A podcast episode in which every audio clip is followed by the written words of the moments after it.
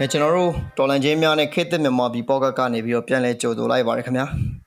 အခုဆိုလို့ရှိရင်ဒါကျွန်တော်တို့ရဲ့ຫນွေဥတော်လန်ရေးကာလာဟာတစ်နှစ်နဲ့၄လကျော်ကြာလာခဲ့ပြီဖြစ်ပါတယ်ဒီချိန်မှာကျွန်တော်တို့ပြည်သူတွေ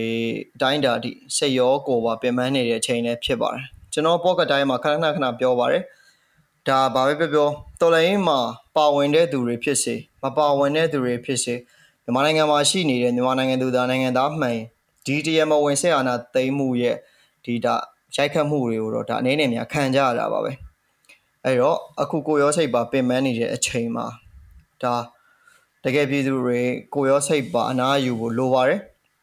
ဘာကြောင့်လဲဆိုတော့ကျွန်တော်တို့မြန်မာနိုင်ငံဟာ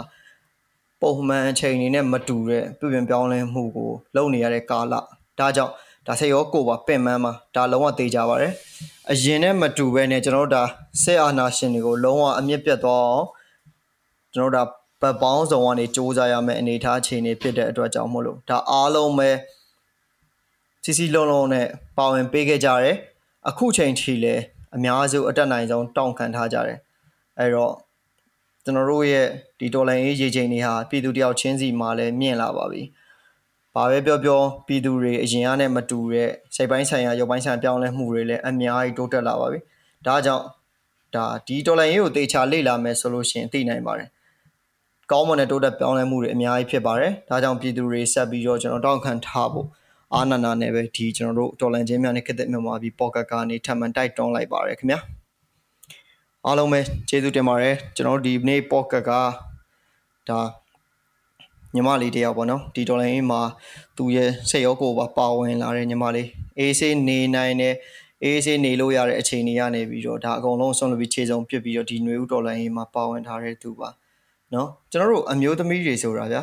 တခါလေကြာကျွန်တော်မြန်မာနိုင်ငံမှာအများကြီးရှိရလေဖေယားဘာညာတရကမှာအမျိုးသမီးမဝင်ရဘာညာအစာရှိတဲ့ဖြစ်အချို့ကိစ္စတွေမှာနောက်ဆုံးဗျာထမိန်နဲ့ပစိုးတော်ဒန်းတူလှမ်းလို့မရတဲ့ဒါလုံးဝ tradition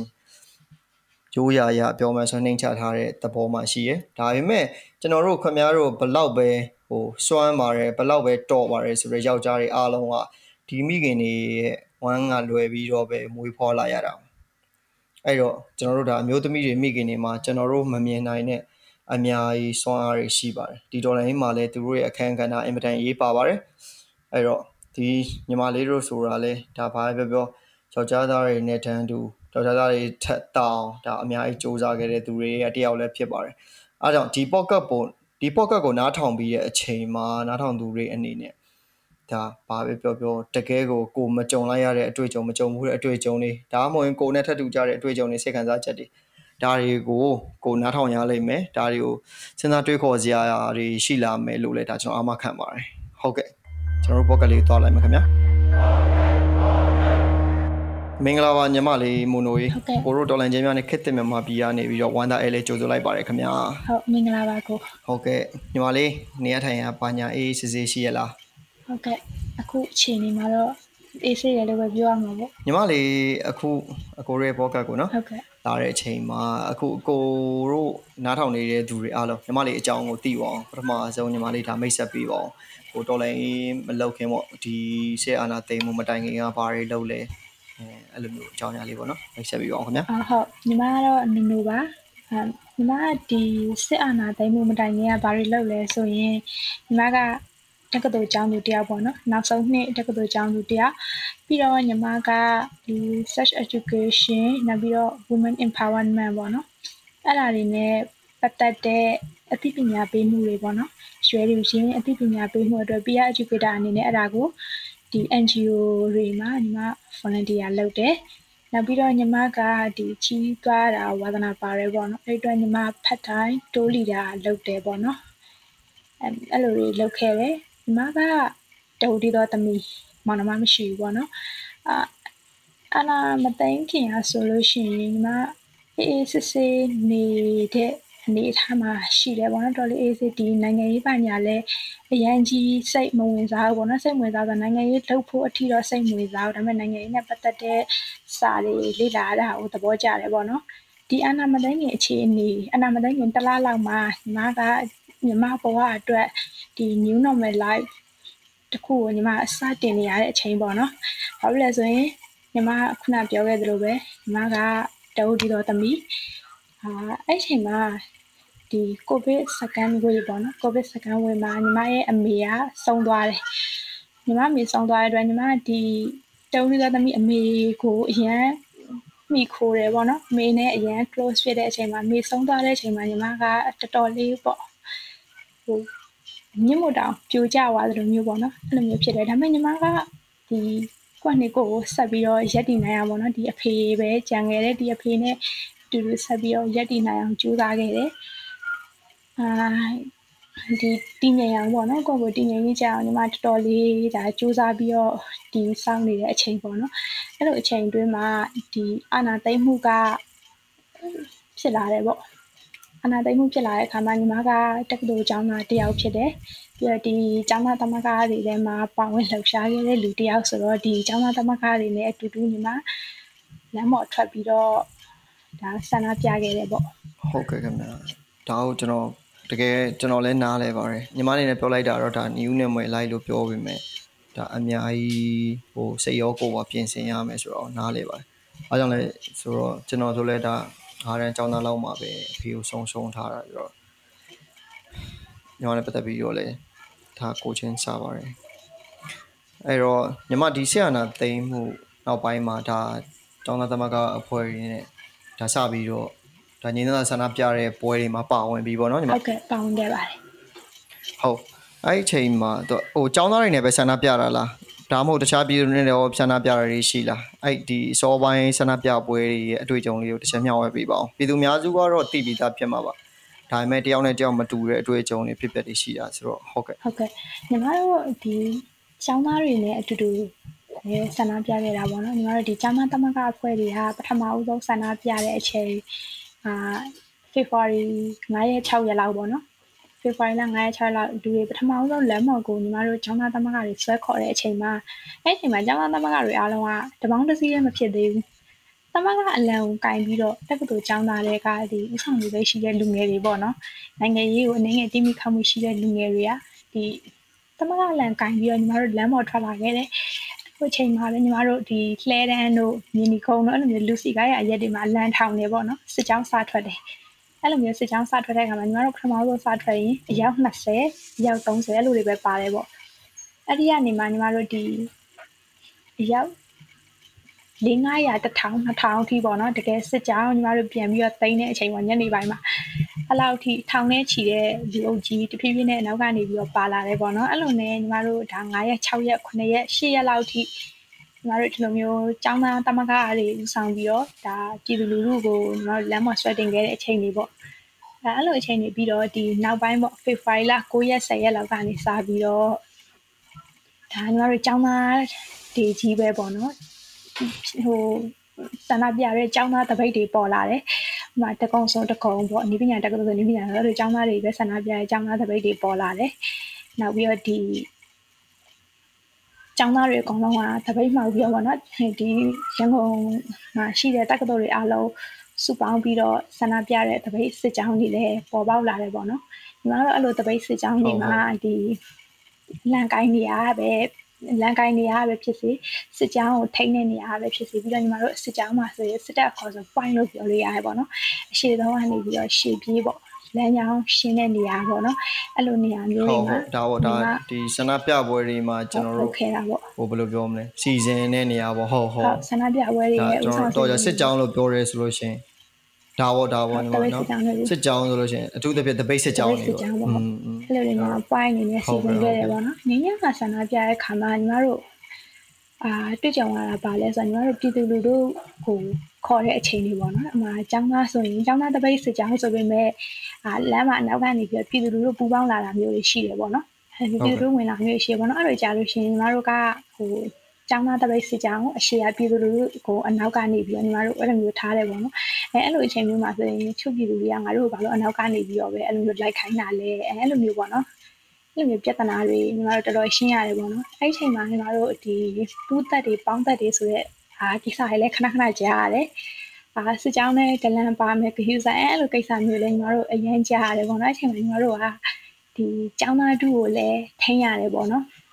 ဒါပြည်သူလူထုကိုလည်းဒီပြဿနာမဖြစ်ရပါတော့နော်စစ်ကြောင်းတစ်လျှောက်လုံးမှာဒါထိန်းရတဲ့အခါမျိုးတွေရှိတယ်ဒါညီမတို့ငញ្ញမ်းစာဆန္ဒပြတဲ့အခြေအနေပေါ့နော်အဲ့လိုအခြေအနေမျိုးမှာနောက်တစ်ခုကကျတော့ညီမတို့ကြွေးကြော်တယ်တချို့ပြည်သူလူထုရဲ့တချို့တော့ကြွေးကြော်တယ်နေဒီ ဒီကျောင်းသားတို့ကလက်မခံနိုင်တော့ကြွေးကြော်တယ်နေတချို့လည်းရှိခဲ့တယ်ပေါ့နော်ဥပမာ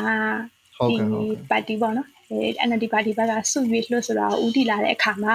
အဲကျောင်းသားတွေကမဟုတ်ဘူး2008ဖွဲ့စည်းပုံအခြေခံဥပဒေကိုအပြီးတိုင်ဖျက်သိမ်းဖို့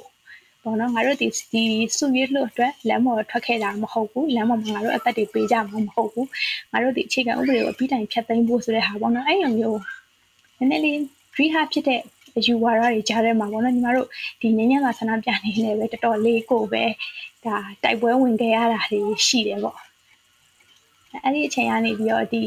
တဖြည်းဖြည်းနဲ့ညီမတို့တပိတ်တွေကိုအကြမ်းဖက်ဖြိုခွဲလာတဲ့အချိန်လေးတွေပေါ့နော်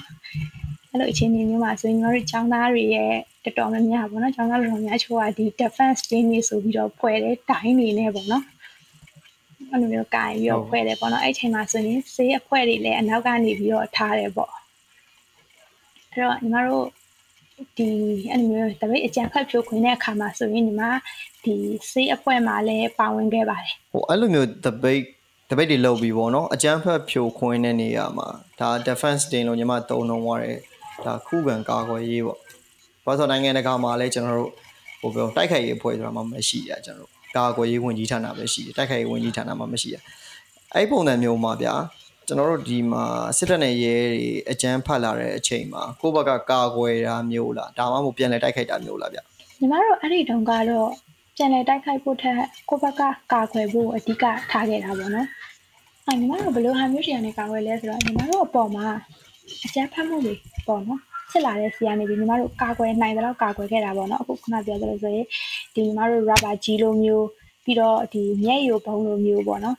အဲအဲ့လိုမျိုးပြီးတော့နောက်တစ်ခုကဖန်စီရိုက်နှက်တာလိုမျိုးပေါ့အဲ့လိုမျိုးတွေကနေပြီးတော့ညီမတို့ကာကွယ်ခဲ့တာပေါ့နော်ဘာလို့လဲဆိုညီမတို့ဒိုင်းတွေရှေ့ကနေပြီးတော့ကာထားတဲ့တလွှာပေါ့နော်အဲ့လိုဒိုင်းတွေကာထားတဲ့အတွက် rubber ကြီးတွေမျက်ရည်ဘုံတွေကတိတ်ပြီးတော့အဆင်မပြေဘူးပေါ့အရှိမညီမတို့တက်လာဒိုင်းတွေကာထားတယ်အနောက်မှာဆိုညီမတို့အကိုတို့တိမှာကရေဘုံတွေတဲအိတ်တွေထားထားတယ်ပေါ့နော်မျက်ရည်ဘုံတွေကြားလာတယ်လူငယ်တွေကဒီအပူကန်လက်အိတ်တွေဝတ်ပြီးတော့မျက်ရည်ဘုံတွေကိုကောက်ပစ်တယ်ပေါ့နော်အဲအဲ့ချိန်မှာညီမတို့တွေးတာဒီ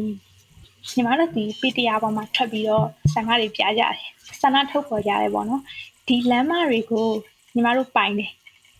ပိုင်နေဆိုတာထက်ညီမတို့ကဒီလမ်းမတွေဟာငါတို့လမ်းမငါတို့အပိုင်သိမ်းမယ်ပေါ့နော်ငါတို့ပြည်သူပိုင်းလမ်းမတွေငါတို့အပိုင်သိမ်းမယ်ဆိုတဲ့စိတ်ဓာတ်နဲ့ညီမတို့ကရှားသလောက်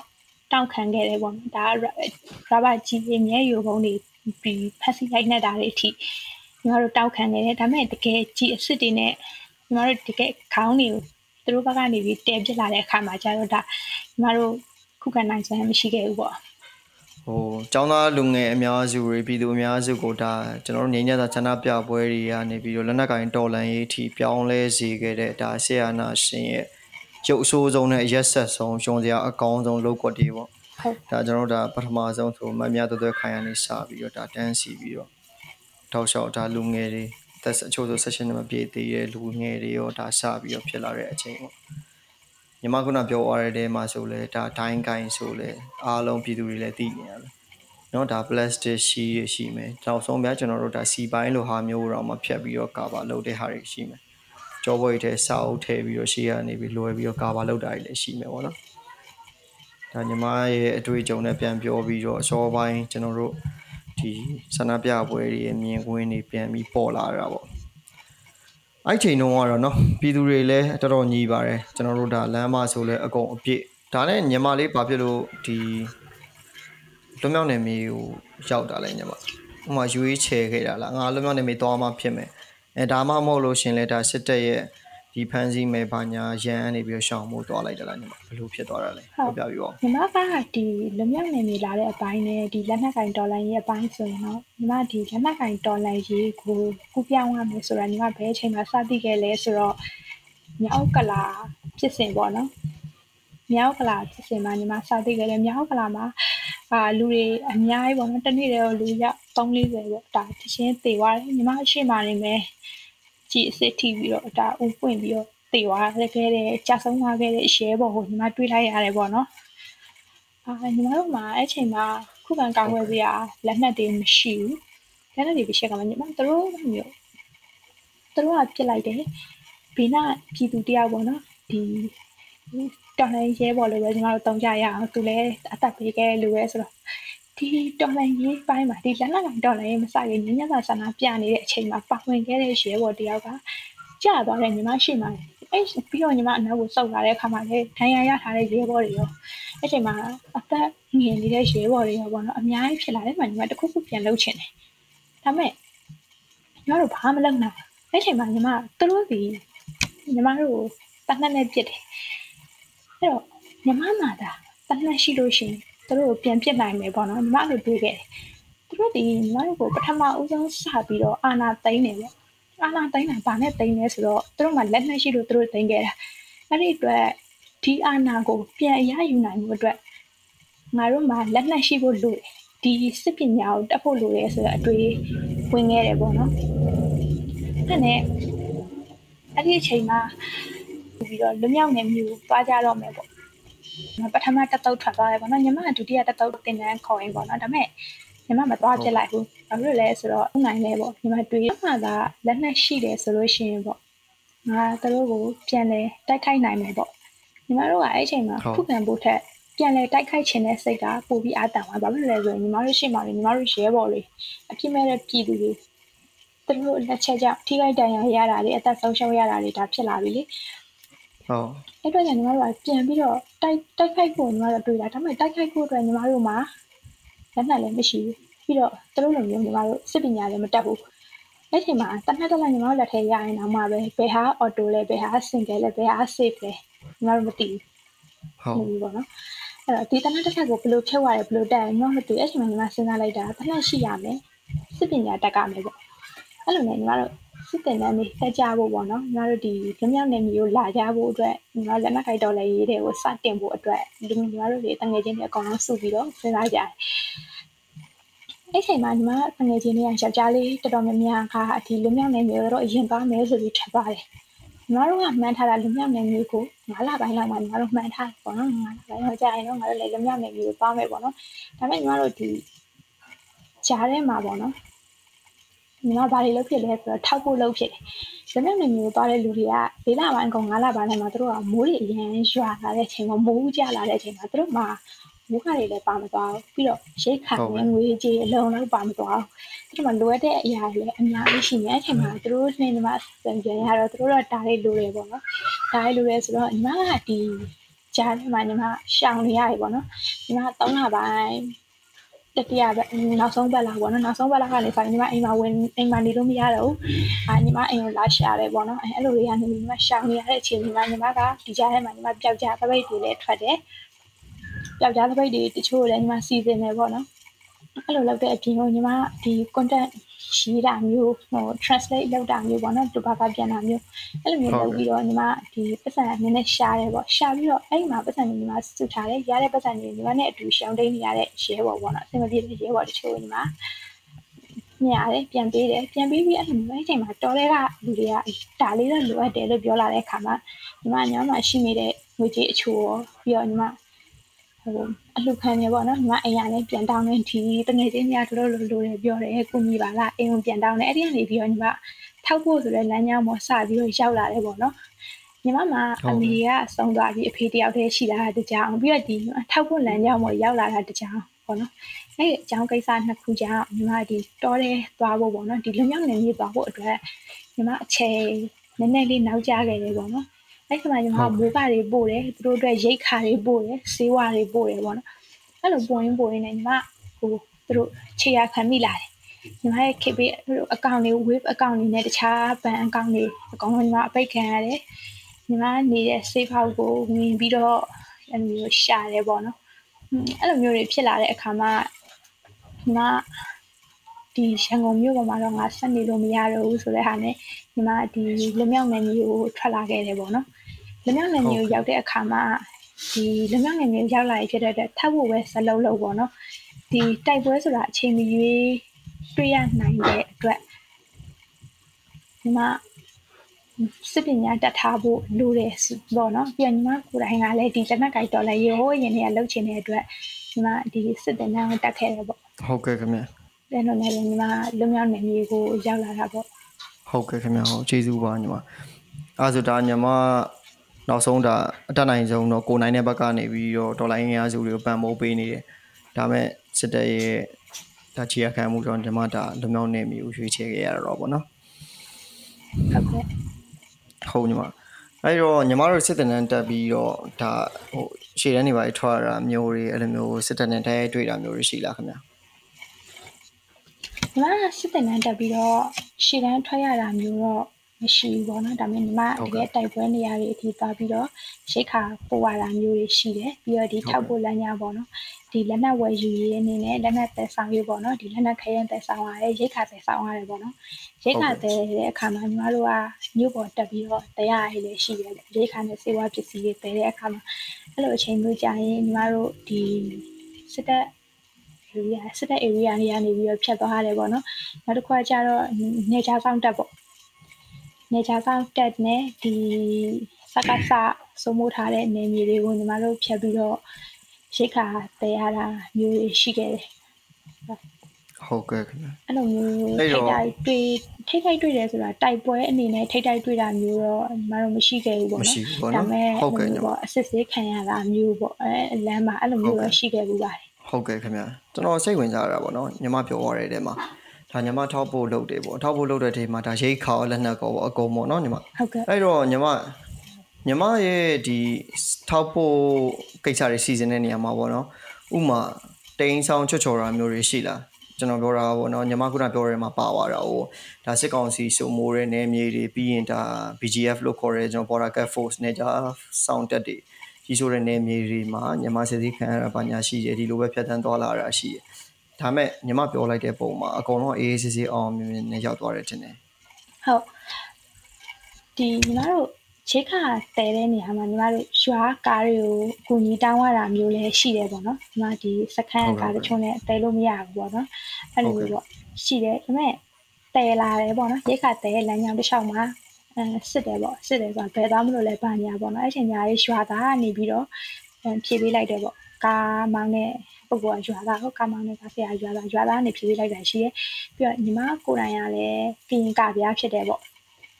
ကရင်ဘာမှကာပြဖြစ်တဲ့အတွက်ဒီ data ရဲ့ကရင်စကားနဲ့ဒီ delete ထုံတဲ့တချို့ပေါ့နော်သူရဲ့ဗမာလိုပြောရင်တော့မှပဲလေယူလေသိမ်းပေါ့ဥမာစကားစားတော့ဗမာတွေပဲဆိုတော့ဗမာများတယ်ပေါ့နော်သူတို့ဒီမှာအဲ့တော့ဒီဗမာလိုပဲမေးတာလို့တော့ဗမာအဲ့ထင်မှာလေယူလေသိမ်းတချို့ပြောင်းလဲပြီးတော့ပြောရတာမျိုးတွေရှိတယ်ပေါ့တရားရွာတာအသွင်ယူပြီးတော့ပေါ့ ဟုတ်ကဲ့ကောင်းဆုံးတိုင်းဖွင့်တာမျိုးအဲအဲ့လိုမျိုးပေါ့အဲ့လိုမျိုးပြောရတာမျိုးရှိပါတယ်ပြီးတော့နေကြဆောင်တက်တဲ့အဲ့လိုသွားတဲ့အခါမှာလည်းနေရလောက်တက်တွေကဒီလိုမျိုးအရင်တိုက်ပွဲဖြစ်နေတဲ့အချိန်မျိုးမဟုတ်ရင်တော့တို့ကတိတ်ပြီးတော့စစ်တာဆေးတာမျိုးတော့မရှိဘူးပေါ့နော်အရင်စစ်တာဆေးတာမျိုးတော့မရှိဘူးနည်းနည်းပပမေးတာပါညာပေါ့လမ်းလမ်းမှာဟိုစက်ကြီးကောက်တဲ့ပုံစံမျိုးပေါ့အဲ့လိုကောက်တာမျိုးအဲ့လိုမျိုးပဲရှိဟုတ်ကဲ့ ကျွန်တော်တမျိုးစိတ်ဝင်စားတာပေါ့နော်ဘာကြောင့်လဲဆိုတော့ညီမလည်းထောက်ဖို့လုပ်နေရဆိုတော့တကယ်တကယ်ဒီ MOD ပေါ့ Ministry of Defense ပေါ့ဒီမျိုးသားညီညွတ်ရေးအစိုးရရဲ့ကျွန်တော်တို့ဒါလက်နက်ထောက်ပံ့ရေးပံ့ပိုးရေးတွေမှာအထီးကိုက်တွေအရန်များတာပေါ့ဗျာဥမာကျွန်တော်တို့ပစ္စည်းတွေဆက်လက်နဲ့ပစ္စည်းတွေဒါအမွန်ရိတ်ခါတွေပို့ပေးတဲ့နေရာမှာပုံမှန်ထပ်ပို့ပြီးတော့ဟိုအထီးကိုက်များတာတွေဖန်ဆီးခံရတာတွေတွေ့ရတော့ညီမအနေနဲ့အဲ့ကိစ္စပေါ်မှာဘယ်လိုမြင်လဲ ဒီမျိုးသားညီညွတ်ရေးအစိုးရအနေနဲ့အဲ့လိုမျိုးပံ့ပိုးမှုတွေအလေလွင့်မဖြစ်အောင်ဘယ်လိုမျိုးတွေစီစဉ်ဆောင်ရွက်တင်တယ်လို့ညီမအကြံပေးလို့ရမလဲညီမကတော့ဒီလက်နက်တွေရိတ်ခါတွေပို့တဲ့အခါမှာပေါ့နော်ဒါရိတ်ခါဆိုရင်တော့တိတ်ပြီးတော့ပြဿနာမရှိတော့တဲ့ရိတ်ခါမျိုးပေါ့အဲ့လိုရိတ်ခါမျိုးဆိုရင်ညီမတို့ဒါတလုံးတစ်စီးပဲပယ်တယ်ပေါ့နော်ဒီသားခံတွေရဲ့ဒီသားခံတွေအကူအညီယူယူတယ်ပေါ့ပြီးတော့ အာညီမတို့ကအဓိက EO ဒီရဲ့အကူအညီယူရဲပေါ့နော်ဒီတိုင်းမှာတော်လိုင်းအင်အားစုတွေရဲ့အကူအညီကိုညီမတို့ယူရဲတိုင်းနဲ့တော်လှန်ရေးအင်အားစုတွေကသူတို့ဟာဒီနယ်မြေမှာနှစ်ပေါင်းများစွာတော်လှန်ရေးလုပ်လာတဲ့ဒီနယ်မြေမှာမွေးပြီးဒီနယ်မြေမှာကြီးလာတယ်ပေါ့နော်ညီမတို့ဒီမြို့ပေါ်ကနေလာတယ်ဘလောက်ပဲပညာတွေတက်တက်ညီမတို့ဘယ်နိုင်ငံမျိုးပဲခြေစမ်းခဲ့ခြေစမ်းခဲ့ဒီနယ်မြေဒီဒေသနဲ့ပတ်သက်လို့ရှိရင်ညီမတို့ဒီ သူတို့ကတော့ဘလို့မှမကြော်နိုင်ဘူးပေါ့သူတို့နယ်မြေရဲ့အကြောင်းသူတို့နယ်မြေရဲ့ဘာသာစကားသူတို့နယ်မြေရဲ့အနေအထားဒါသူတို့အသိဆုံးပေါ့နော်အဲ့တော့ညီမတို့ဟာအများနဲ့ဘာလုပ်လို့သူတို့ဒီကပွင့်လင်းနေပေါ့နော်တိုင်နေနဲ့သူတို့ရဲ့ယုံကြည်မှုရအောင်နေတယ်ကျမတို့လက်နက်တွေပယ်တဲ့အခါမျိုးမှာသူတို့ရဲ့ဒီ သူတို့စီစဉ်ပေးတဲ့ကားတွေပေါ့နော်သူတို့စီစဉ်ပေးတဲ့လူတွေအဲ့လိုမျိုးတွေနဲ့အဓိကညီမတို့ပယ်တယ်ပေါ့နော်အဓိကတော့ညီမတို့တိုင်းမှာတော်လှန်ရေးအင်အားစုတွေနဲ့လည်းဒီ MOD အနေနဲ့တော်တော်လေးကိုပဲအဆင်ပြေအောင်ပေါ့နော်အဲ့လိုမျိုးချိတ်ဆက်တင်တယ်လို့ထင်တယ်ပြီးတော့အဲ့ဒီဒေါ်လာရင်းအင်အားစုတွေရဲ့ကိုလည်းညီမတို့အင်အားစုတွေအကူအညီကိုလည်းယူတင်တယ်ပေါ့နော်ဟုတ်ကဲ့ပေါ့ ဒီနယ်မြေကဟာရှင်းပါလေဒါတွားလို့ရပါတယ်ဆောင်မျိုးမဟုတ်ဘူးလေညီမတို့ကဒီလမ်းကြောင်းတစ်ခုသွားမယ့်အခါမှာဂျားထဲမှာဘယ်စခန်းတွေရှိမလဲအဲအဲ့ဒီစခန်းတွေကိုကြိုတင်ပြီးတော့ညီမတို့ဒီလိုမျိုးသတင်းပို့တာမျိုးပေါ့နော်ဒါလမ်းကြောင်းရှင်းရလားဆိုပြီးတော့ဒါယူတာမျိုးပေါ့နော်ဒါကညီမတို့စစ်ဖက်ဆိုင်ရာအလုံးယုံရေးရဲ့သဘောတရားပေါ့အဲ့လိုသဘောတရားတွေကိုလည်းညီမတို့တတိချစ်ချလေးလိုက်နာတင်တယ်လို့ထင်တယ်ပေါ့နော်အဲဆိုရင်တော့ဒီ ရှိခါကိုလည်းမြောင်းကတော်တော်လေးအဆင်ပြေမှာပါပေါ့နော်ရှိခါပိုးရဆိုတဲ့နေရာမှာထောက်ဖို့ဒီစစ်ပွဲတော့မှာထောက်ဖို့အရေးကြီးဆုံးပဲလေအဲဒါကြောင့်တစ်ဖက်ကတော့ထောက်ဖို့ကိုဥတီပြီးတော့တိုက်ခိုက်မှာပဲဒါပေမဲ့လို့တိုက်ခိုက်တဲ့အခါမှာညီမတို့ကဘယ်လိုမျိုးရှောင်ရှားရမလဲဆိုတာကတော့ဒါအဲ့ဒီ data မှာရှိတဲ့ data ကန်တွေရဲ့အကူအညီကိုတော်တော်လေးလိုအပ်ပါတယ်ဟုတ်ကဲ့ကျေးဇူးတင်ပါတယ်ခင်ဗျာဘာကြောင့်လဲဆိုတော့ဗျာကျွန်တော်တို့ဒါ အဲ့လိုမျိုးတွေဒါကျွန်တော်တို့ရဲ့ pocket ကိုပေါ့နော်ဒါမျိုးသားညီညွတ်ရေးအကြီးပိုင်းတွေကတရရောက်နားထောင်နေပါစေလို့ပဲဒါကျွန်တော်မျှော်လင့်ပါတယ်နားမထောင်ဆိုလဲဒါဘာပဲပြောကျွန်တော်တို့ pocket ကိုနားထောင်ပေးတဲ့သူတွေရဲ့တဆင်စကားတဆင်နာနဲ့ဒါ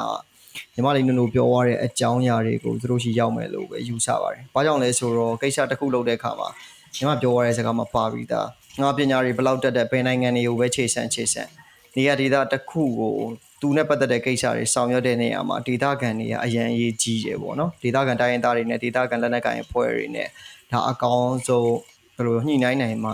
ဒါအဆင်ပြေဆုံးဖြစ်မှာပေါ့နော်ပြီးတော့ကိစ္စတစ်ခုဆောင်ရွက်တဲ့နေရာမှာလည်းညီမပြောသလိုဟာဒါလည်းရှင်းပါတယ်ကွာဒီလိုပဲလှုပ်သွားလိုက်မယ်အဲဒါမျိုးမရပဲနဲ့တကယ်တည်းချာချာစနစ်တကျလှုပ်ဖို့အရေးကြီးရပါတော့ညီမဟုတ်ပါတယ်ဟုတ်ကဲ့ကျေးဇူးတင်ပါတယ်ညီမအဲ့တော့ကျွန်တော်မေးချင်တာကညီမအနေနဲ့ဒါထောက်ဖို့ကို အစီအစဉ်ဆောင်ရွက်တယ်ဆိုတော့ဘာပဲပြောတိုင်းသားအဖွဲ့တွေနဲ့ရောဒါကျွန်တော်တို့ဟိုပြည်သူ့ကာကွယ်ရေးအဖွဲ့တွေနဲ့ရောဒါညီမအနေနဲ့ယင်းနှီးကြောင်းဝင်မှာပဲပေါ့နော်အဲ့တော့မျိုးသားညီညွတ်ရေးအစိုးရဂတိပေးထားတယ်ဒါကျွန်တော်တို့စွမ်းရည်ပြေဝတဲ့ပြည်သူ့ကာကွယ်ရေးတပ်ဖွဲ့တွေဘာညာပေါ့ညီမရဲ့အဲ့လိုမျိုးပြည်သူတွေအားကိုးအားထားပြုလုပ်ရမယ်တက်တည်ဖြစ်လာနိုင်မယ်လို့ညီမယုံကြည်လားလက်ရှိချိန်နေနဲ့နှိုင်းရှင်ပြီးတော့ပြောပြပေးပါ လက်ရှိအနေနဲ့နှိုင်းရှင်ပြပြရမယ်ဆိုရင်ညီမအနေနဲ့50 50ပဲပေါ့နော်အပြည့်အဝဖြစ်လာမယ်လို့မယုံကြည်ဘူးပေါ့နော်ဘာဖြစ်လို့လဲဆိုတော့ညီမတို့ပြည်သူ့ကာကွယ်ရေးတပ်ဖွဲ့တွေကိုညီမတို့ဝင်လာတယ်ပေါ့နော်ညီမကိုယ်တိုင်ပြည်သူ့ကာကွယ်ရေးတပ်ဖွဲ့တွေဝင်ခဲ့တယ်အဲ့ချိန်မှာလူဒန်းစားပေါင်းစုံရှိတယ်ပြည်သူ့ကာကွယ်ရေးတပ်ဖွဲ့တွေမှာမှာဟိုကဘာပတ်လာတဲ့တင်မောလာလည်းရှိတယ်ဆရာဝန်လည်းရှိတယ်အင်ဂျင်နီယာလည်းရှိတယ်ပေါ့နော် အာစီဒီအန်ကျောင်းဆရာလည်းရှိတယ်အဲ့လိုပဲဒီလှိုင်းသားရဒီကျူးကျော်တဲလေးကနေပြီးတော့တိုင်းပြည်ကိုကာကွယ်ခြင်းနဲ့စိတ်နဲ့ဒီပြည်သူ့ကာကွယ်ရေးတပ်ဖွဲ့တွေကိုရောက်လာတဲ့အောက်ခြေလူဒန်းစားလူငယ်လေးတွေလည်းပါတယ်ညီမတို့ဒီလူဒန်းစားဘောင်းဆောင်ရှိနေတဲ့အခါမှာအဲ့လူဒန်းစားဘောင်းဆောင်ကိုညီမတို့ဒီညှိရတယ်ပေါ့နော်စစ်တပ်ဆိုတော့အမိန့်နာတတ်မှုဒါစီလုံးညီညွတ်မှုပေါ့နော်တသွေးတက်တန်တမိတ်ဆိုတဲ့ပုံစံအောက်မှာညီမတို့ညှိယူရတယ်အဲ့တော့တသွေးတက်တန်တမိတ်ဆိုတဲ့ပုံစံအောက်မှာညီမတို့ ညှိယူလို့မရဘူးအဲ့ဒီမှာရှိတဲ့လူငယ်တွေရဲ့ဒီအသိပညာတက်ပညာတိုးတက်ဖွံ့ဖြိုးမှုလေးလိုတယ်ပေါ့နော်ဒီစွန့်ရင်ပြေဝတဲ့ဒီပြည်သူအားကိုးအားလောက်တဲ့ပြည်သူတက်မတော်ကြီးဖြစ်ဖို့ဆိုတာဒီညီမတို့ဒီပြည်သူတွေကဘယ်လိုခံစားချက်ရှိလဲပြည်သူတွေဘာကိုလိုချင်လဲအဲလိုပဲပြည်သူတွေဆိုတဲ့နေရာမှာညီမတို့ Federal ပြည်ထောင်စုသွားမယ်ဆိုရင်တိုင်းသားတွေကကောဘာကိုလိုချင်လဲတိုင်းသားတွေမှာ ဘယ်လိုခံစားချက်ရှိလဲတိုင်းသားဒေသတွေမှာကောဘာတွေဖြစ်နေလဲဆိုတဲ့အကြောင်းအရာတွေကိုလူငယ်တွေကဒီပြည်သူ့ဘာသာရေးတပ်ဖွဲ့တွေကတပ်ဖွဲ့ဝင်ရဲဘော်တွေဒီတတိချာချာလေးနားလည်သဘောပေါက်တဲ့နေပေါ့နော်အဲ့လိုသဘောပေါက်ဖို့အတွက်ဒီအမျိုးသားညီညွတ်ရေးအစိုးရအနေနဲ့အဲ့ဒီငယ်တွေကိုအသိပညာပေးတာမျိုးလဲလုပ်တဲ့နေပေါ့နော်ရောလက်နဲ့မင်းတို့ပွားတိုက်ဆိုပြီးတော့အဲ့လက်ထဲလက်နဲ့စီလက်ထဲထည့်ပေးလိုက်တာတဲ့ရောဒီမှာလက်နဲ့မင်းတို့တွေဒီ ဘသူတွေကိုဘာကြောင့်တိုက်ရမလဲဘသူတွေကိုဘာကြောင့်တိုက်ရဘာတွေဖြစ်လာမလဲဆိုတဲ့ဟာမျိုးလူငယ်တွေကိုတိတိကျကျလေပညာပေးဖို့လိုအပ်နေတယ်လို့ထင်တယ်အာရွက်ဒီမှာရန်လို့ဆိုတော့ဒီစကားဆိုင်ယူနီဖောင်းဝတ်ထားတဲ့လူတယောက်ကိုဟိုပြစ်တက်လိုက်တယ်ပေါ့နော်အဲ့လိုနဲ့ဒီစကားဆိုင်ကတဖြည်းဖြည်းနဲ့အင်အားရုပ်ရော့သွားမယ်စကားဆိုင်ပြုတ်ကြသွားမယ်အဲဒါပြည်သူ့ကာကွယ်ရေးတပ်ဖွဲ့ကအဲစကားဆိုင်နေရာမှာရောက်လာမယ်ပေါ့နော်အဲ့လိုနဲ့နေမယ်ညီမတို့ကစွမ်းရည်ပြေးသွားတဲ့ ဒီ Federal ပြည်အောင်စုကနေပြီးတော့ပြည်သူ့ကာကွယ်ရေးတပ်ဖွဲ့ကြီးကိုမတိဆောက်နိုင်ဘူးပြည်သူ့ကာကွယ်စွမ်းရည်ပြေးသွားတဲ့ပြည်သူ့ကာကွယ်ရေးတပ်ဖွဲ့ကြီးတိဆောက်ဖို့ဆိုတာကရာလူအဆင့်ဆင့်လိုက်ပြီးသူတို့တည်တည်ပြည့်တက်တဲ့တက်အပ်တော့ဒီစစ်ဖက်ဆိုင်ရာအတွေ့အကြုံစစ်ဖက်ဆိုင်ရာနားလည်မှုတွေနောက်ပြီးတော့ဒီပြည်သူလူထုကိုဘယ်လိုမျိုးပြုမှုရမယ်ဆိုတော့အရာမျိုးတွေပေါ့နော်ပြီးတော့ညီမတို့ဒီဒီတိုင်းသားတွေအများကြီးနေဖွဲ့ပြီးတာညီမတို့ဒီပြည်ထောင်စုလို့ပြောကြရပေါ့နော်ဒီ Federal ပြည်ထောင်စုပေါ့အခုဖြစ်ချင်းတယ် အဲ့တော့ Federal ပြည်ထောင်စုမှာတိုင်းသားတွေဒီဘယ်လိုခံစားချက်ရှိတယ်အဲဘယ်လိုလက်ရှိအခြေအနေမျိုးတွေတိုင်းသားဒေသတွေမှာကြုံနေရတယ်အဲ့လိုမျိုးတွေကိုရာလူအဆင့်ဆင့်အလိုက်သိချာနားလည်သဘောပေါက်မှသာလင်းညီမတို့တကယ်လိုချင်တဲ့ဒီဆိုင်ရပြောရတဲ့ဒီ Federal ပြည်ထောင်စုကနေပြီးတော့ဒီ Federal ပြည်ထောင်စုကိုကာကွယ်ဖို့အတွက်ဒီပြည်သူ့ကာကွယ်ရေးတပ်ဖွဲ့ဆိုတာကြီးကဖြစ်လာမှာလေအဲ့လိုမဟုတ်ရင်တော့ဒီလက်နက်ကိုင်တပ်ဖွဲ့တစ်ခုပဲဖြစ်လာမှာပါ ဟုတ်ကဲ့ညီမလေးပြောဆိုဆွေးနွေးသွားတာအရန်ပဲကောင်းပါတယ်ညီမကြီးကျေးဇူးတင်ပါတယ်အဲ့တော့ဟုတ်ကဲ့အခုတချို့နေရာတွေမှာပေါ့နော်ဒီတော်လန်ကြီးရဲ့ဘေးထွက်ဆိုးကျိုးတစ်ခုအနေနဲ့အခုတဖြည်းဖြည်းလက်နက်ကင်လူငယ်အင်အားစုတွေကကျွန်တော်လက်နက်ကင်အာဏာကိုရင်မူးလာတာမျိုးတွေရှိရပေါ့ဟုတ်ကဲ့အဲ့လိုမျိုးရင်မူးလာရခြင်းရဲ့အဓိကအကြောင်းရင်းကဘာတွေဖြစ်မှလဲမလားအဲ့လိုမျိုးဖြစ်နေတဲ့ပြဿနာတွေကိုလည်းဘယ်လိုဖြေရှင်းလို့ရနိုင်မလဲကျမတို့ လက်နက်ကင်တဲ့အခါမှာညီမဟိုးရင်နေရလဲညီမဒီ social network ဒီမှာပြောဦးတယ်ပေါ့နော်ညီမတို့ဒီ generation Z လို့ပြောကြတယ်ပေါ့နော်အဓိက generation Y တွေလည်းပါတယ်ပေါ့လူငယ်တွေထဲမှာအာကိုယ်ဆို generation Y လောက်ဖြစ်မယ်ပေါ့နော်ဒီ Gen Y နဲ့ Gen Z ဆိုတဲ့လူငယ်တွေဒီညီမတို့ဒီစစ်အာဏာသိမ်းမှုမှာညီမတို့ဘယ်လိုလဲဟိုစိတ်ထန်ရာတွေရောညီမတို့အဲ့လိုမျိုးပေါ့နော်ဘောင်းဆောင်ပေါ့နော်အဲ့လိုမျိုးတွေညီမတို့ရခဲ့ပြီးသွားပြီအာ လူတွေညီမတို့မျက်စိရှိမှတွတ်ချက်တိုင်ကိုဖြစ်ပြီးတော့သေတာရေးရဆက်တက်ခံရတာကိုမြင်ပြီးသွားပြီပေါ့နော်အဲ့ချိန်မှာညီမတို့ကစိတ်ထဲမှာအမုန်းတရားတွေဆိုတာဖြစ်လာတယ်အဲ့ဒီအမုန်းတရားတွေကနေပြီးတော့ညီမတို့ဒီဒဏ္ဍကိုင်တော်လည်းရေးစီကိုပေါ့နော်ဒီလိုမျိုးကူးပြောင်းလာကြတယ်ပေါ့နော်တော်တော်များများအဲ့လိုချင်းညီမညီမတို့ကအမုန်းတရားတစ်ခုတည်းကိုအခြေခံတဲ့တော်လန်ရေးဒီအာဘလုံးမဒါအဆင်ပြေမှာမဟုတ်ဘူးပေါ့နော်ကိုယ်တိုင်လက်ထဲလက်နဲ့ရသွားတဲ့အခါမှာညီမတို့ဒီဘေးထွက်ဆိုးကျိုးတွေအများကြီးရှိတာမှာပဲ ဘာလို့လဲဆိုညီမတို့ကဒီဓမီဩဇာနဲ့တခြားပတ်ဝန်းပစ္စည်းပေါ့နော်ဒီပောက်ပောက်ကွဲစေတတ်တဲ့ပစ္စည်းတွေတွေ့နေမှာပဲလူငယ်တချို့ကမိုင်းစင်တတ်တဲ့အခြေအနေမျိုးဖြစ်သွားပြီပေါ့နော်ပောက်ကွဲစေနေတဲ့အခြေအနေမျိုးဖြစ်သွားပြီပောက်ကွဲတတ်တဲ့ပစ္စည်းကိုဒီပြုလုပ်နိုင်တဲ့အနေအထားမျိုးတွေညီမတို့ရောက်နေကြအဲ့လိုအခြေအနေမျိုးမှာဆိုလို့ရှိရင်ဒါလူငယ်တယောက်စိတ်ခမတင်တာမျိုးပေါ့နော်လူငယ်တယောက်ကသူ့ဖြစ်တာလူတယောက်စိတ်ခမတင်တာမျိုးဖြစ်တဲ့အခါမှာသူဒီ နေရာတစ်ခုကိုသူဖောက်ခွဲလိုက်လို့လည်းရတာပဲပေါ့နော်အဲ့တော့လက်နဲ့ရောက်သွားတဲ့အခါမှာဆိုရင်လည်းဒီလက်နဲ့တစ်ခုကိုဒီလူငယ်တယောက်ကဘလို့စိတ်မျိုးနဲ့ကင်နေလဲပေါ့ဥမာရန်သူကိုပဲတတ်မှာလားအဲဘလို့အခြေအနေမျိုးမှာတတ်မှာလဲအဲ့လိုပေါ့နော်ဒီလက်နက်ထဲမှာညီမတို့ကြီးစံထည့်ထားတယ်အဲ့တော့ဒီတနတ်မောင်းသူပဲအချိန်မှာဆွဲဖြုတ်မလဲအဲဒါမျိုးပေါ့နော်ဘလို့အခြေအနေတွေမှာသူဆွဲဖြုတ်မလဲဒါတွေကညီမတို့ လူငယ်တွေအနေနဲ့ဒါအများကြီးဒီဟိုစဉ်းစားရမယ့်အခြေအနေပေါ့နော်ကျွန်းလူငယ်တွေကကြတော့လက်ထဲတနတ်ရောက်လာတယ်အဲ့တော့လက်နက်ဆိုတဲ့သဘောကညီမတို့ဘယ်လိုဖြစ်လဲဆိုတော့လူတယောက်ကလက်နက်ရှိမှဒီလက်နက်ကင်ပြီးသွားတဲ့လူငယ်တယောက်ကသူတို့ဒီလက်နက်ကိုမစွန့်ရင်တော့ဘောနော်လက်နက်ကင်လိုက်တဲ့လူငယ်တယောက်ကလက်နက်ရှိမှသူတို့ရဲ့ဘယ်လိုပြောမလဲသူတို့ဒီနေသားထိုင်တာရှိသွားတယ်ပေါ့နော်လက်နက်ရှိမှသူတို့ကိုသူတို့လုံခြုံနေတင်တယ် လက်နက်မရှိတဲ့အခါမှာသူတို့တွေတခုခုလိုနေသလိုမျိုးပေါ့နော်အဲအဲ့လိုမျိုးခံစားရတဲ့အခါမျိုးရှိအဲ့တော့ဒီဒါကလက်လက်နက်ရဲ့စိုးကျိုးတွေပေါ့နော်လက်နက်ရှိတဲ့လူတယောက်ဒီဒါလက်နက်ကိုအားကိုးမှာပဲပေါ့နော်အဲညီမတို့လည်းအခုချိန်မှာဒီရှင်ရနေပါထွက်လို့ရှိရင်ညီမတို့စသားကြောက်ကလက်နက်ကိုနဲ့မကွာဆောင်တာမယ်ဆိုတာဒီလက်နက်ဒီကိုယ့်အသက်ကိုကယ်တဲ့ပစ္စည်းတစ်ခုဖြစ်တယ်အဲ့တော့ဒီလက်နက်ကိုအားကိုးကြမှာပဲ အဲ့ဒီချိန်မှာဒီလက်နက်ကိုသူ့အနေနဲ့ဘယ်လိုနေရာမျိုးမှာဒါအသုံးချမလဲဆိုတာကိုဒီအများကြီးပေါ့နော်အသိပညာပေးဖို့လိုအပ်တယ်။ဥပမာလက်နက်မှာဆိုရင်မရရင် single ရှိတယ်ကိုလေ auto ရှိတယ် safe ရှိတယ်ပေါ့နော်။ဒါ safe ကိုနှိပ်ထားလို့ရှိရင်ဒါကြည်မထွက်အောင်ပေါ့နော်။အများနဲ့ safe မှာထားရတယ် safe ခလုတ်တွေထားရတယ်။အာ single နဲ့ဒီတိုက်ပွဲဝင်လို့ရှိရင်ဒါ single နဲ့ပြည့်ရင်ပြည့်တယ်မပြည့် auto နဲ့ပေါ့ညီမတို့အတွဲလိုက်ပြည့်တယ်။ဒီဟာဒီဟို ဘာမှဟိုတာမန်ကတနက်ပြစ်နိုင်လောက်တဲ့ဒီခန္ဓာကိုယ်ပေါ့နော်တနက်ပြစ်နိုင်လောက်တဲ့ခန္ဓာကိုယ်ဖွဲ့စည်းပုံအနေထားအင်အားရှိတဲ့လူတွေကိုဒါသင်ပြပေးလိုက်လို့ရှိရင်ဒီတနက်ဆိုတာကနိုင်ဝက်အတွင်းတနိုင်အတွင်းဒါပြစ်လို့ရတယ်ပေါ့နော်ဒါပေမဲ့အဲ့ဒီတနက်ကဘသူ့ကိုပြစ်မလဲအဲအဲ့ဒီဟာကအဓိကပြဿနာဖြစ်သွားပြီပေါ့နော်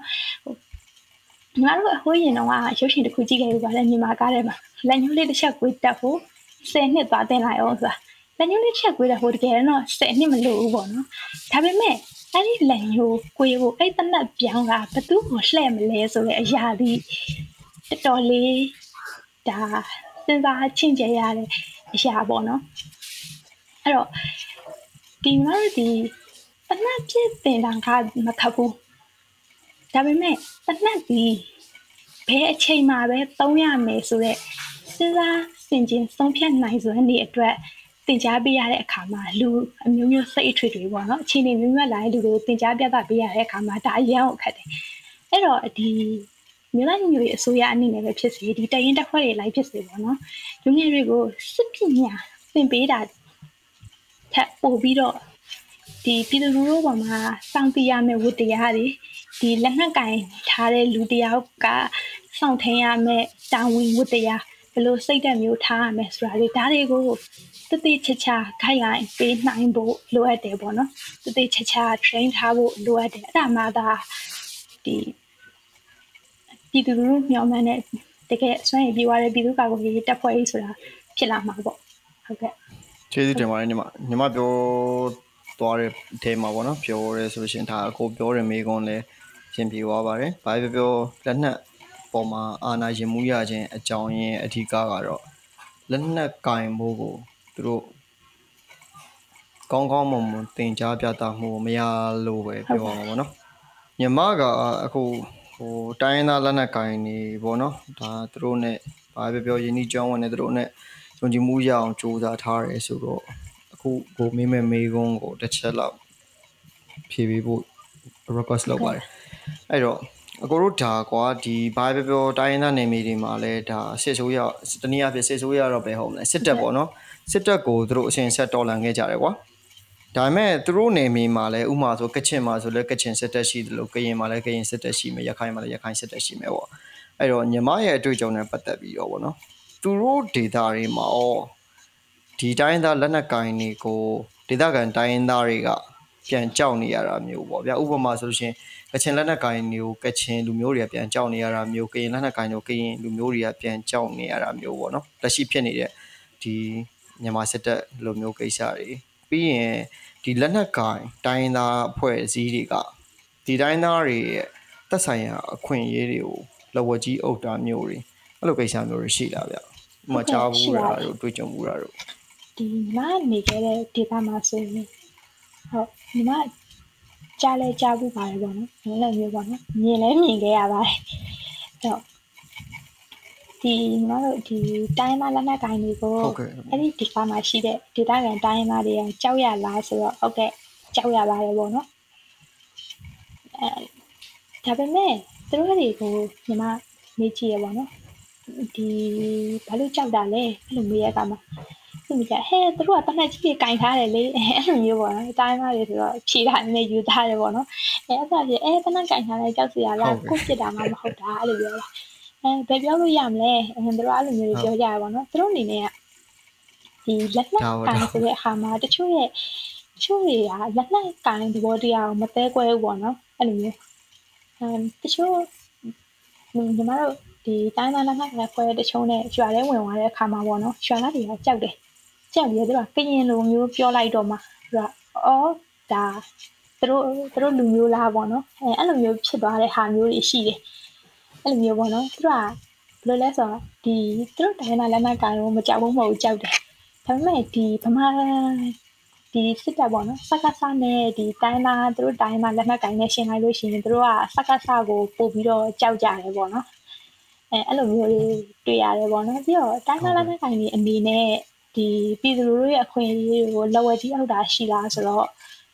အာတချို့ရှိတယ်ပေါ့နော်ဒါတိုင်းသားလက်နက်ကင်တွေရဲ့လူကြီးပိုင်းတွေပေါ့နော်အဲ့လိုလူကြီးပိုင်းတွေကနေပြီးတော့ဒါလက်ဝဲကြီးအုပ်ထားတဲ့အရာမျိုးတွေရှိတယ်ပေါ့နော်ဥပမာလမ်းတွေမှာညီမတို့ဒါဂိတ်စခန်းတွေချပြီးတော့လမ်းကြီးတွေကောက်တယ်ပေါ့နော်ဒီအများပြည်သူသွားတဲ့လမ်းတွေမှာအဲ့လိုမျိုးပေါ့ညီမတို့အရင်နေခဲ့တဲ့နေရာဆိုလို့ရှိရင်ညီမအမြဲတမ်းပြောတဲ့စကားရှိတယ်စနလမတပေ3ပေတကိတ်ဆိုတာ ငါတို့ဒီလမ်းလမ်းမကြီးပြနေပြီးညီမလမ်းခွဲပြီးတော့ဝင်လာတယ်ပေါ့အဲ့လိုလမ်းခွဲဝင်လာတဲ့အခါမှာအရှိမ PC ဂိတ်ရှိတယ်ဟုတ်ကဲ့နောက် BGF တစ်ခိတ်ရှိတယ်နောက် BGF ကနောက်တစ်ခိတ်ထပ်ရှိတယ်ဟုတ်နောက်ပြီးတော့အရှိဒီရန်ကုန်ခေါ်နေလို့တမှတ်တိုင်ပေါ့နော်အဲ့လိုတမှတ်တိုင်လောက်မှာကဒီရဲစခန်းပေါ့နော်စကားစားအဲ့ရဲစခန်းတစ်ခိတ်ရှိတယ်ဟိုဘက်မှာဆိုရင်ဒီ KNU ဘက်ကဂိတ်နှစ်ဂိတ်သုံးဂိတ်လောက်ရှိသေးရပေါ့နော်အဲ့တော့ဒီလမ်းပိုင်းမှာဒီဂိတ်တစ်ခုဂိတ်ကိုဒီလမ်းပိုင်းတစ်ခုမှာဒီဂိတ်ကဟို ၅ခု6ခုလောက်ဖြစ်နေရပေါ့နော်ကားကုန်ကားတစ်စီးကပုံမှန်မောင်းလို့ရှိရင်တနားရီလောက်ဒီမောင်းရတဲ့လမ်းပိုင်းအစအဆုံးပါလေဂိတ်တစ်ခုကဂိတ်တွေကအဲ့လိုမျိုး6ဂိတ်9ဂိတ်လောက်ကိုဆက်နေတယ်ပေါ့အဲ့လိုမျိုးကြတော့ဒီကုန်ကားသမားတွေအနေနဲ့ဒီဈေးကထောင်းတာပေါ့နော်အဲအဲ့လိုမျိုးတွေရှိတယ်နောက်တစ်ခုကကြတော့ဒီတိုင်းသားလက်နက်ကိုင်တွေကအောက်ခြေပိုင်းလေးတွေပေါ့နော်ရွာတွေချို့ရွာအနားမှာပေါ့နော်ရွာနာဒီဒေါ်ဆက်ဒီမှာသူတို့ခိုင်ကြစကိုင်းချတယ် စကိုင်းချရောသူရွာလေးကိုတောက်ပြီးတော့ရိတ်ခါဝယ်တဲ့အခါမျိုးတွေရှိတယ်ပေါ့နော်အာခါလေးကြရင်ကြက်တကောင်တောင်းတယ်ပေါ့နော်အဲကြက်တကောင်ပေးဆိုရင်ရွာသားကပေးလိုက်တယ်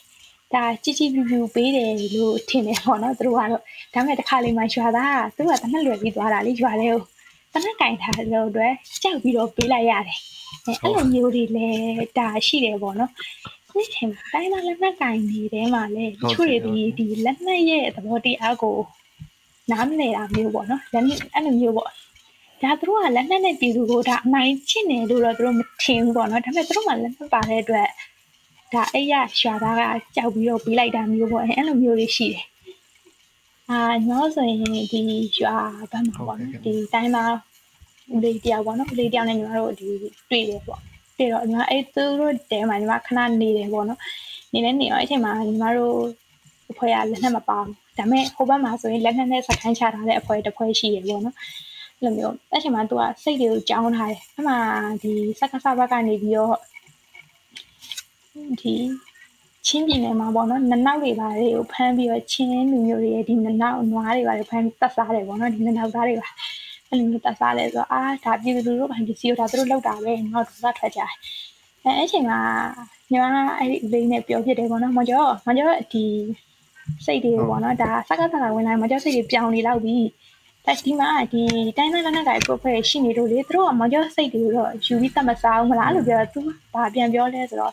ဒီတဲ့သက်ဆိုင်ရောငါဘာတက်နိုင်မှာလဲတဲ့နဲအဲ့လိုမျိုးပေါ့နော်သူတို့ဒီလက်လက်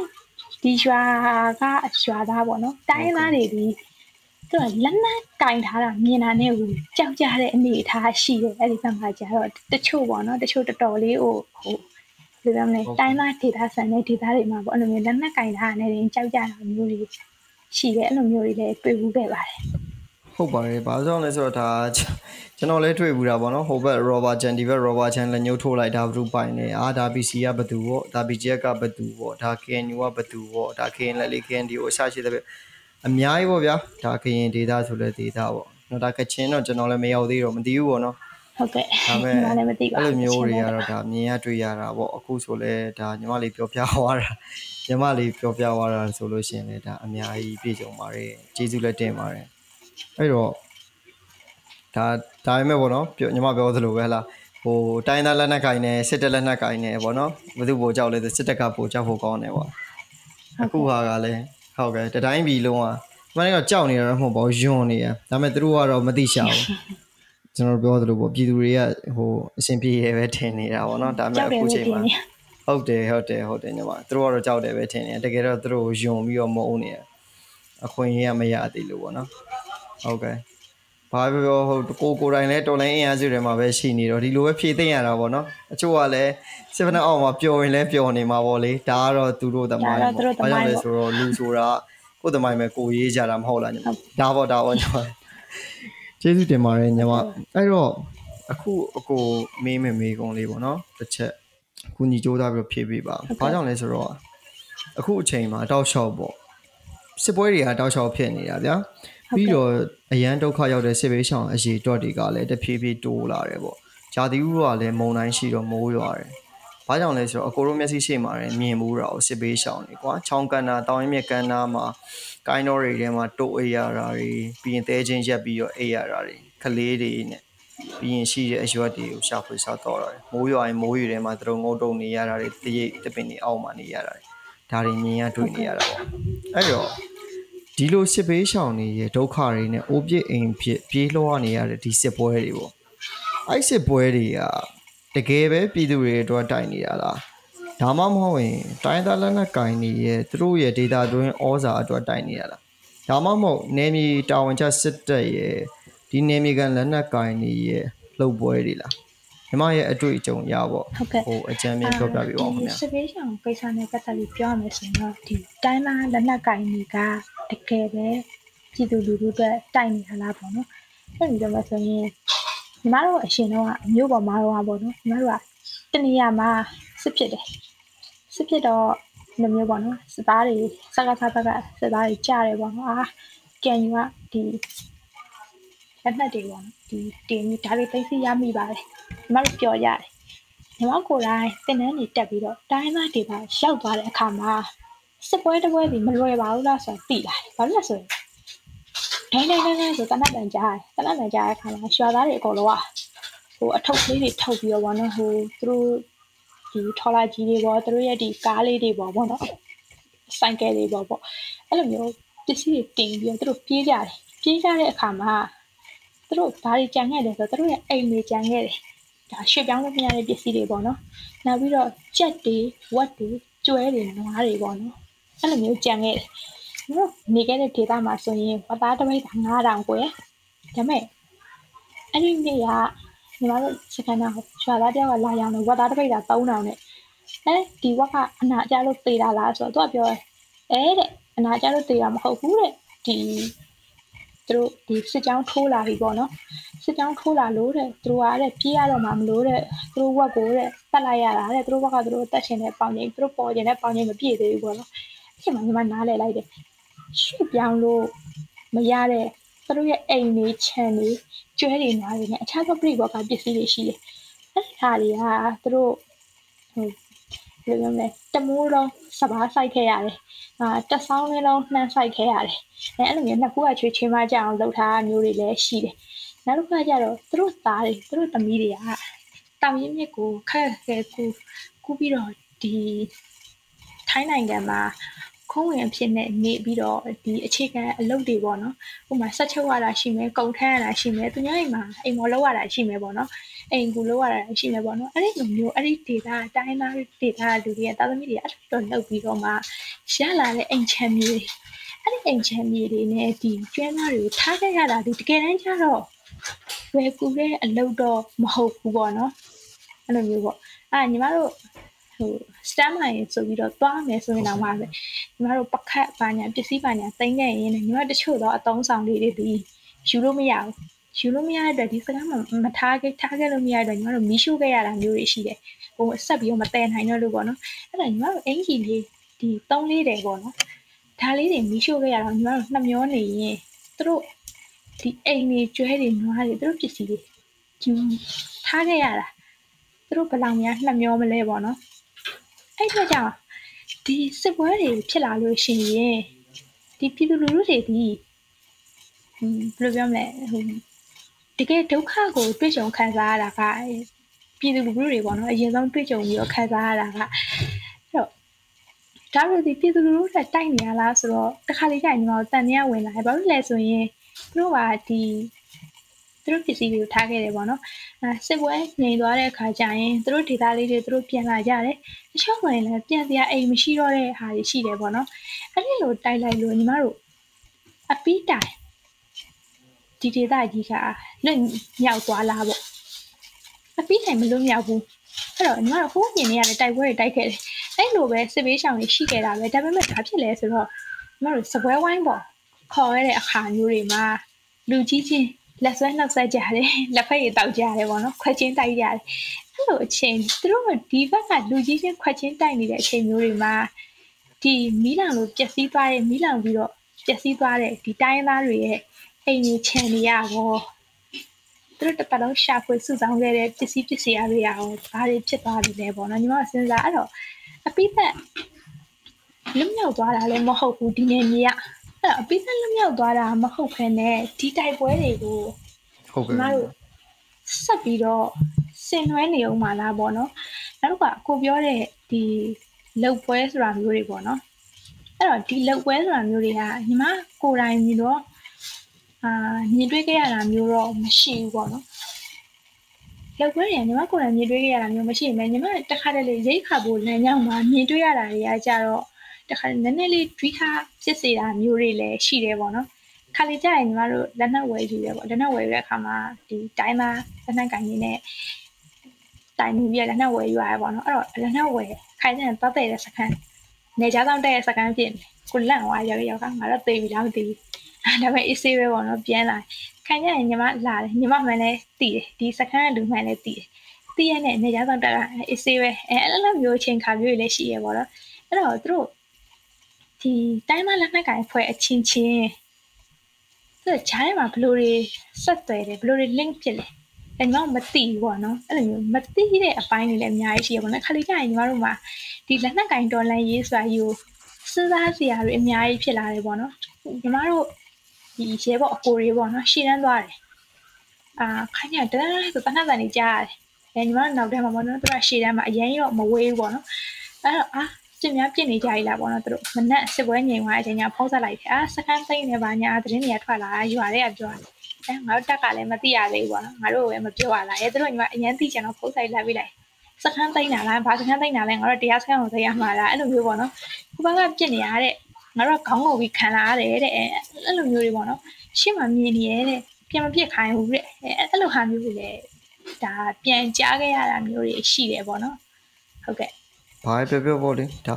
နိုင်ငံတကာအဖွဲ့အစည်းတွေကလည်းဒါတွေနဲ့ပတ်သက်ပြီးတော့ဒါသူတို့နိုင်တဲ့ဘက်ကပဲလှုပ်ပေးနေရလို့ပဲပြောချင်တာပေါ့လေ။ဘာကြောင့်လဲဆိုတော့တကယ်တကယ်အပေါ်မှာတော့ဒါစပေးရှောင်းအတွက်ဒါကလေးတငယ်တွေနဲ့မိခင်တွေအတွက်ဘာညာပေါ့အကောင်းတဲ့မျိုးမျိုးနဲ့တော့ဒါ donation တွေချပေးလိုက်တာပဲ။သို့ပေမဲ့ဒါ NGO ဖွဲ့စည်းတွေရဲ့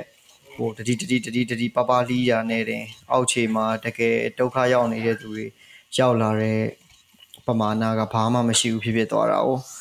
အဲ့တော့တကယ်တကယ်မှာတော့နောက်ဆုံးဘယ်သူတွေပဲဒုက္ခရောက်ရောက်ဘယ်လိုပဲဒုက္ခရောက်ရောက်ဟိုကိုယ်အရှင်ပြေဖို့ကိုကိုယ်တိုင်ပဲပြန်စီစဉ်ရတယ်လို့ဖြစ်နေတာပေါ့နော်ဟုတ်ကဲ့အဲ့တော့အဲ့လိုမျိုးတောက်လျှောက်ဖြစ်နေတဲ့ပြဿနာတွေပေါ့နော်အဲ့လိုမျိုးကြီးအရင်ခက်ခဲနေတဲ့အခြေအနေတွေပေါ့ အဲဘယ်လိုပြောရမလဲ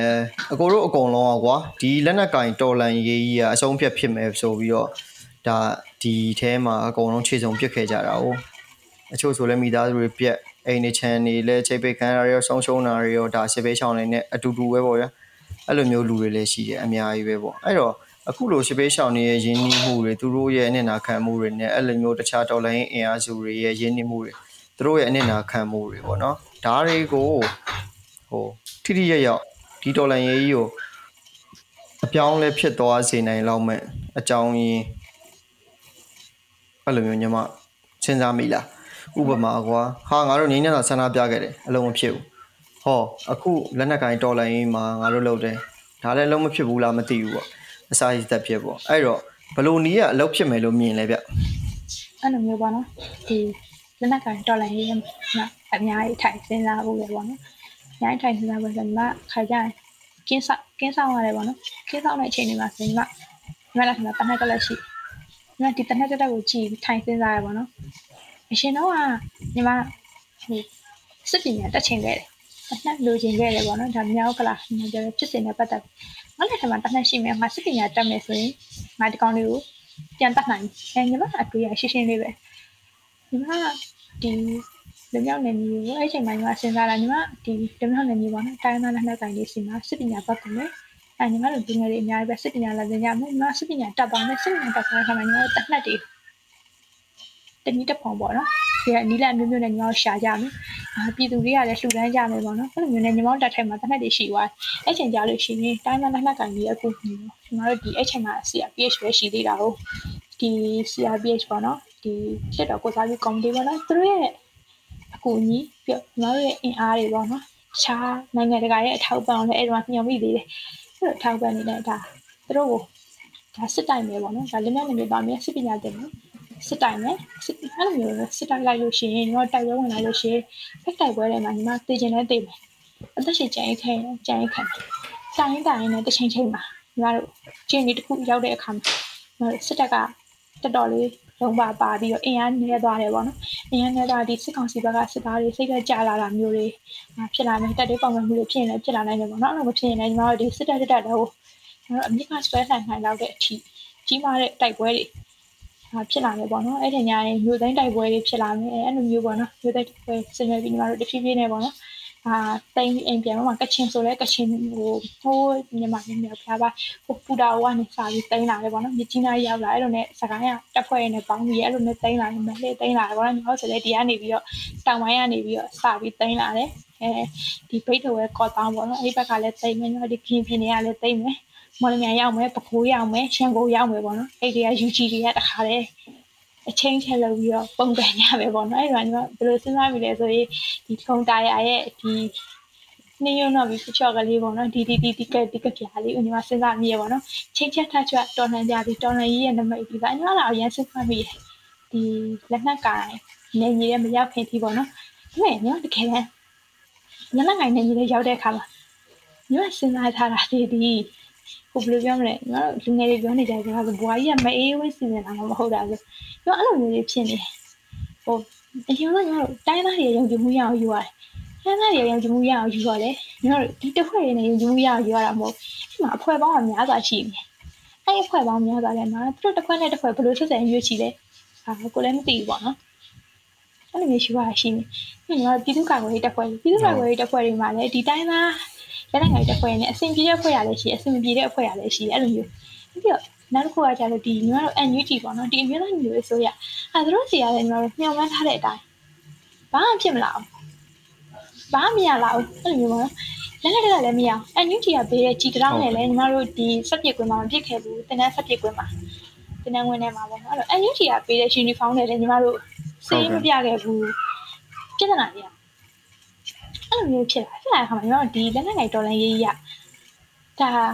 ဘလို့အပြောင်းလဲတွေကဘလို့ဖြစ်မလဲပေါ့နော်ကျွန်တော်စဉ်းစားလက်နက်ငယ်တော်လန်ရေးကဒီတိုင်းပဲစမျောသွားတော့မှာလားအဲအဲ့လိုမျိုးပေါ့နော်စဉ်းစားဒါပေမဲ့ဒီဘယ်ရာတွေကအပြောင်းလဲဖြစ်မလဲဆိုတော့ညီမတို့ဒီပထမဆုံးတော်လန်ရေးတက်ဦးအာညီမတို့လက်နက်တွေအဓိကဝယ်ပေးနိုင်တာဒီတော်လန်ရေးတက်ဦးပဲရှိညီမတို့ထောက်ဖို့တွေကလက်နက်ဝယ်မယ်ဆိုရင်လက်နက်တစ်လက်အခုကအနည်းဆုံးသိန်း 50အောက်ထင်မှာရှိရဒါတတော်ပဲတတော်ဟိုရှာနိုင်မှာပေါ့နော်ဒီတိုက်ပွဲဝင်လို့ရတဲ့လက်နှစ်တလက်350နဲ့ရပါအဲ့တော့ရဲဘော်တရားကိုရှင်းလန်းလှုပ်ဖို့အတွက်ကလက်နက်ကောကြည်ဖို့ရိတ်ခါဖို့အားလုံးပေါင်းလို့ရှိရင်390အောက်ကုန်မယ်ညီတို့ထောက်ဖို့တအူးချင်းစီရဲ့အင်အားနဲ့ဒါရှုံးဖို့ဆိုတာဘယ်လို့မှမလွယ်ဘူးအဲ့တော့တော်လန်ရေးတအူးကနေစပြီးတော့ရှုံးမှရမယ်ဒါပေမဲ့တော်လန်ရေးတအူးဒီဒီလက်နက်ဝယ်ယူရေးပေါ့နော် ဒီလက်နက်နဲ့ခရင်ဝယ်ယူရေးလက်နက်နဲ့ခရင်ထောက်ပံ့ရေးမှာဘလို့မှအားရစရာဖြစ်မလာဘူးပေါ့နော်အဲ့တော့တော်လှန်ရေးတက်ဦးကိုသာညီမတို့တကယ်ကိုတော်လှန်ရေးသမားစစ်စစ်တွေအစားထိုးဝင်ရောက်လာခဲ့လို့ရှိရင်အဲ့ဒါဆိုရင်တော့ညီမတို့ရဲ့တော်လှန်ရေးဒီတနည်းတစ်ပုံ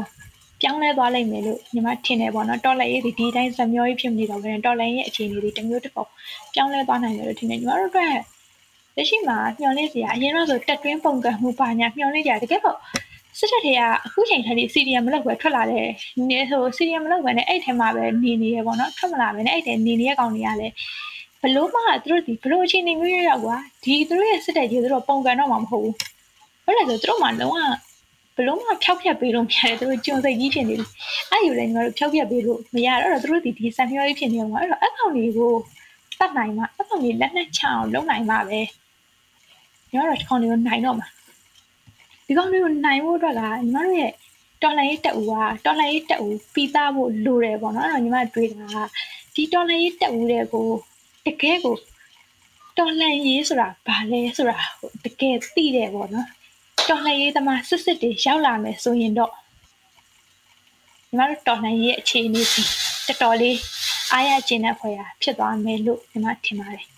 ကျေးဇူးတင်ပါတယ်ခင်ဗျာ တကယ်လည်းတန်ဖိုးရှိပါတယ်ဘာကြောင့်လဲဆိုတော့အဲ့ဒါအရန်ရေးကြီးတယ်လေဘာကြောင့်လဲဆိုတော့ကျွန်တော်တို့ဒီမှာကျွန်တော်တို့အခုလက်ရှိဗျာစကားပြောနေတဲ့အချိန်မှာတော့ရှေ့တန်းမှာဒါ PDF တယောက်ဖြစ်ဖြစ်အပြစ်မဲ့တဲ့ပြည်သူတူတယောက်ဖြစ်အဖမ်းခံရဖြစ်အသက်ခံရဖြစ်ဖြစ်နေတာဒီတော်လိုင်းကျွန်တော်တို့ຫນွေဦးတော်လိုင်းမအောင်တရွေပေါ့နော်နေ့စဉ်နဲ့အမျှပေါ့ဒီလိုပဲမြန်မာနိုင်ငံရဲ့ပြောမှဆိုရင်မငြိမ်းချမ်းမှုတွေပြီးရင်ဒါဟုတ်ကဲ့တတ်မှုဖြတ်မှုတွေပေါ့ဗျာ နောက်ဆုံးလူကောင်းတွေပြစ်မရှိတဲ့သူတွေနေ့စဉ်နဲ့မျှတည်နေရမှာပဲဒါမပြီးမချင်းပေါ့ဒါကြောင့်ဒါကြီးအမြင်ဆုံးပြီးဖို့ကဒါညီမလေးပြောသွားတဲ့အချက်ဆိုတာအရန်အရေးကြီးပါတယ်ကျေးဇူးလည်းတင်ပါတယ်မျိုးသားညီညွတ်ရေးအစိုးရပြီးရင်တိုင်းသားလက်နက်ကိုင်းတွေပြည်သူ့ကာကွယ်ရေးတပ်ဖွဲ့တွေလည်းဘာပဲပြောပြောညီမပြောသလိုပေါ့နော်ဒီဒေါ်လာရေးပေါ်မှာတကယ်ကိုစိတ်ရောကိုယ်ပါနှစ်ပြီးတော့ပြည်သူပေါ်တစ္ဆာရှိတဲ့ဒေါ်လာရေးသမားတွေ ဒါဦးစီးဦးဆောင်မှသာအပြောင်းလဲပြည်သူတွေလိုချင်နေတဲ့အပြောင်းလဲရမှာပေါ့နော်ဟုတ်ညီမရဲ့အခု pocket interview ကိုနားထောင်နေတဲ့သူတွေနဲ့ဒီပြည်သူတွေပေါ့နော်သူတို့ကိုပြောပြခြင်းနဲ့တိုက်တွန်းခြင်းတွေဟုတ်ကဲ့ရှိရင်ပြောပြပေးပါခင်ဗျာပြည်သူတော်တော်များများပေါ့နော်အခုဆိုရင်လည်းကလေးတွေကြောင်းအပ်တာမျိုးပါညာရှိတယ်ပေါ့နော်အဲ့လိုမျိုးပေါ့နော်အဲ့ဒီညာရင်အာတော်တော်များများသူတို့တော်တော်များများညီမရှိကိုမေးတယ်ပေါ့နော်ဒီ မျိုးဟာ social network ကနေလို့ပြတာချူပြည်သူတွေရောခြားမျိုးပေါ်မှာကြံခဲ့တဲ့ဟိုတချို့အတိမိတ်ဆွေတွေညီမအောင်မေးတယ်ဒီတော်လှန်ရေးရဘယ်တော့ပြီးမှလဲပေါ့နော်အဲ့လိုပြောကြတယ်အဲ့ညီမအများနဲ့ပြန်ပြောတဲ့ဟာရှိတော်လှန်ရေးပြီးပြီးတာတော့ပြီးမှပဲတနေ့နေ့မှာတော့ပြီးသွားမှာပဲတစ်ဖက်ကြောင့်အခုညီမတို့ကစစ်တိုက်နေရတာဒီကအားဖြင့်ပြောရမယ်ဆိုလို့ရှိရင်စကားစနဲ့ ဒီဘက်ကတော်လှန်ရေးအင်အားစုတွေနဲ့တိုက်နေရတဲ့တိုက်ပွဲတွေပေါ့နော်ဒါရေခွဲအပြင်ပြောမယ်ဆိုရင်တော့ပေါ့အဲ့တော့တစ်ဖက်ဖက်ကလုံးဝမတိုက်နိုင်တော့တဲ့အခါမှာတော်လှန်ရေးကပြီးသွားလိုက်ဟုတ်ကဲ့ဘယ်သူကမတိုက်နိုင်နေနဲ့ပြီးသွားမှာလဲစကားစကမတိုက်နိုင်လို့ရှိရင်တော်လှန်ရေးပြီးသွားမှာလား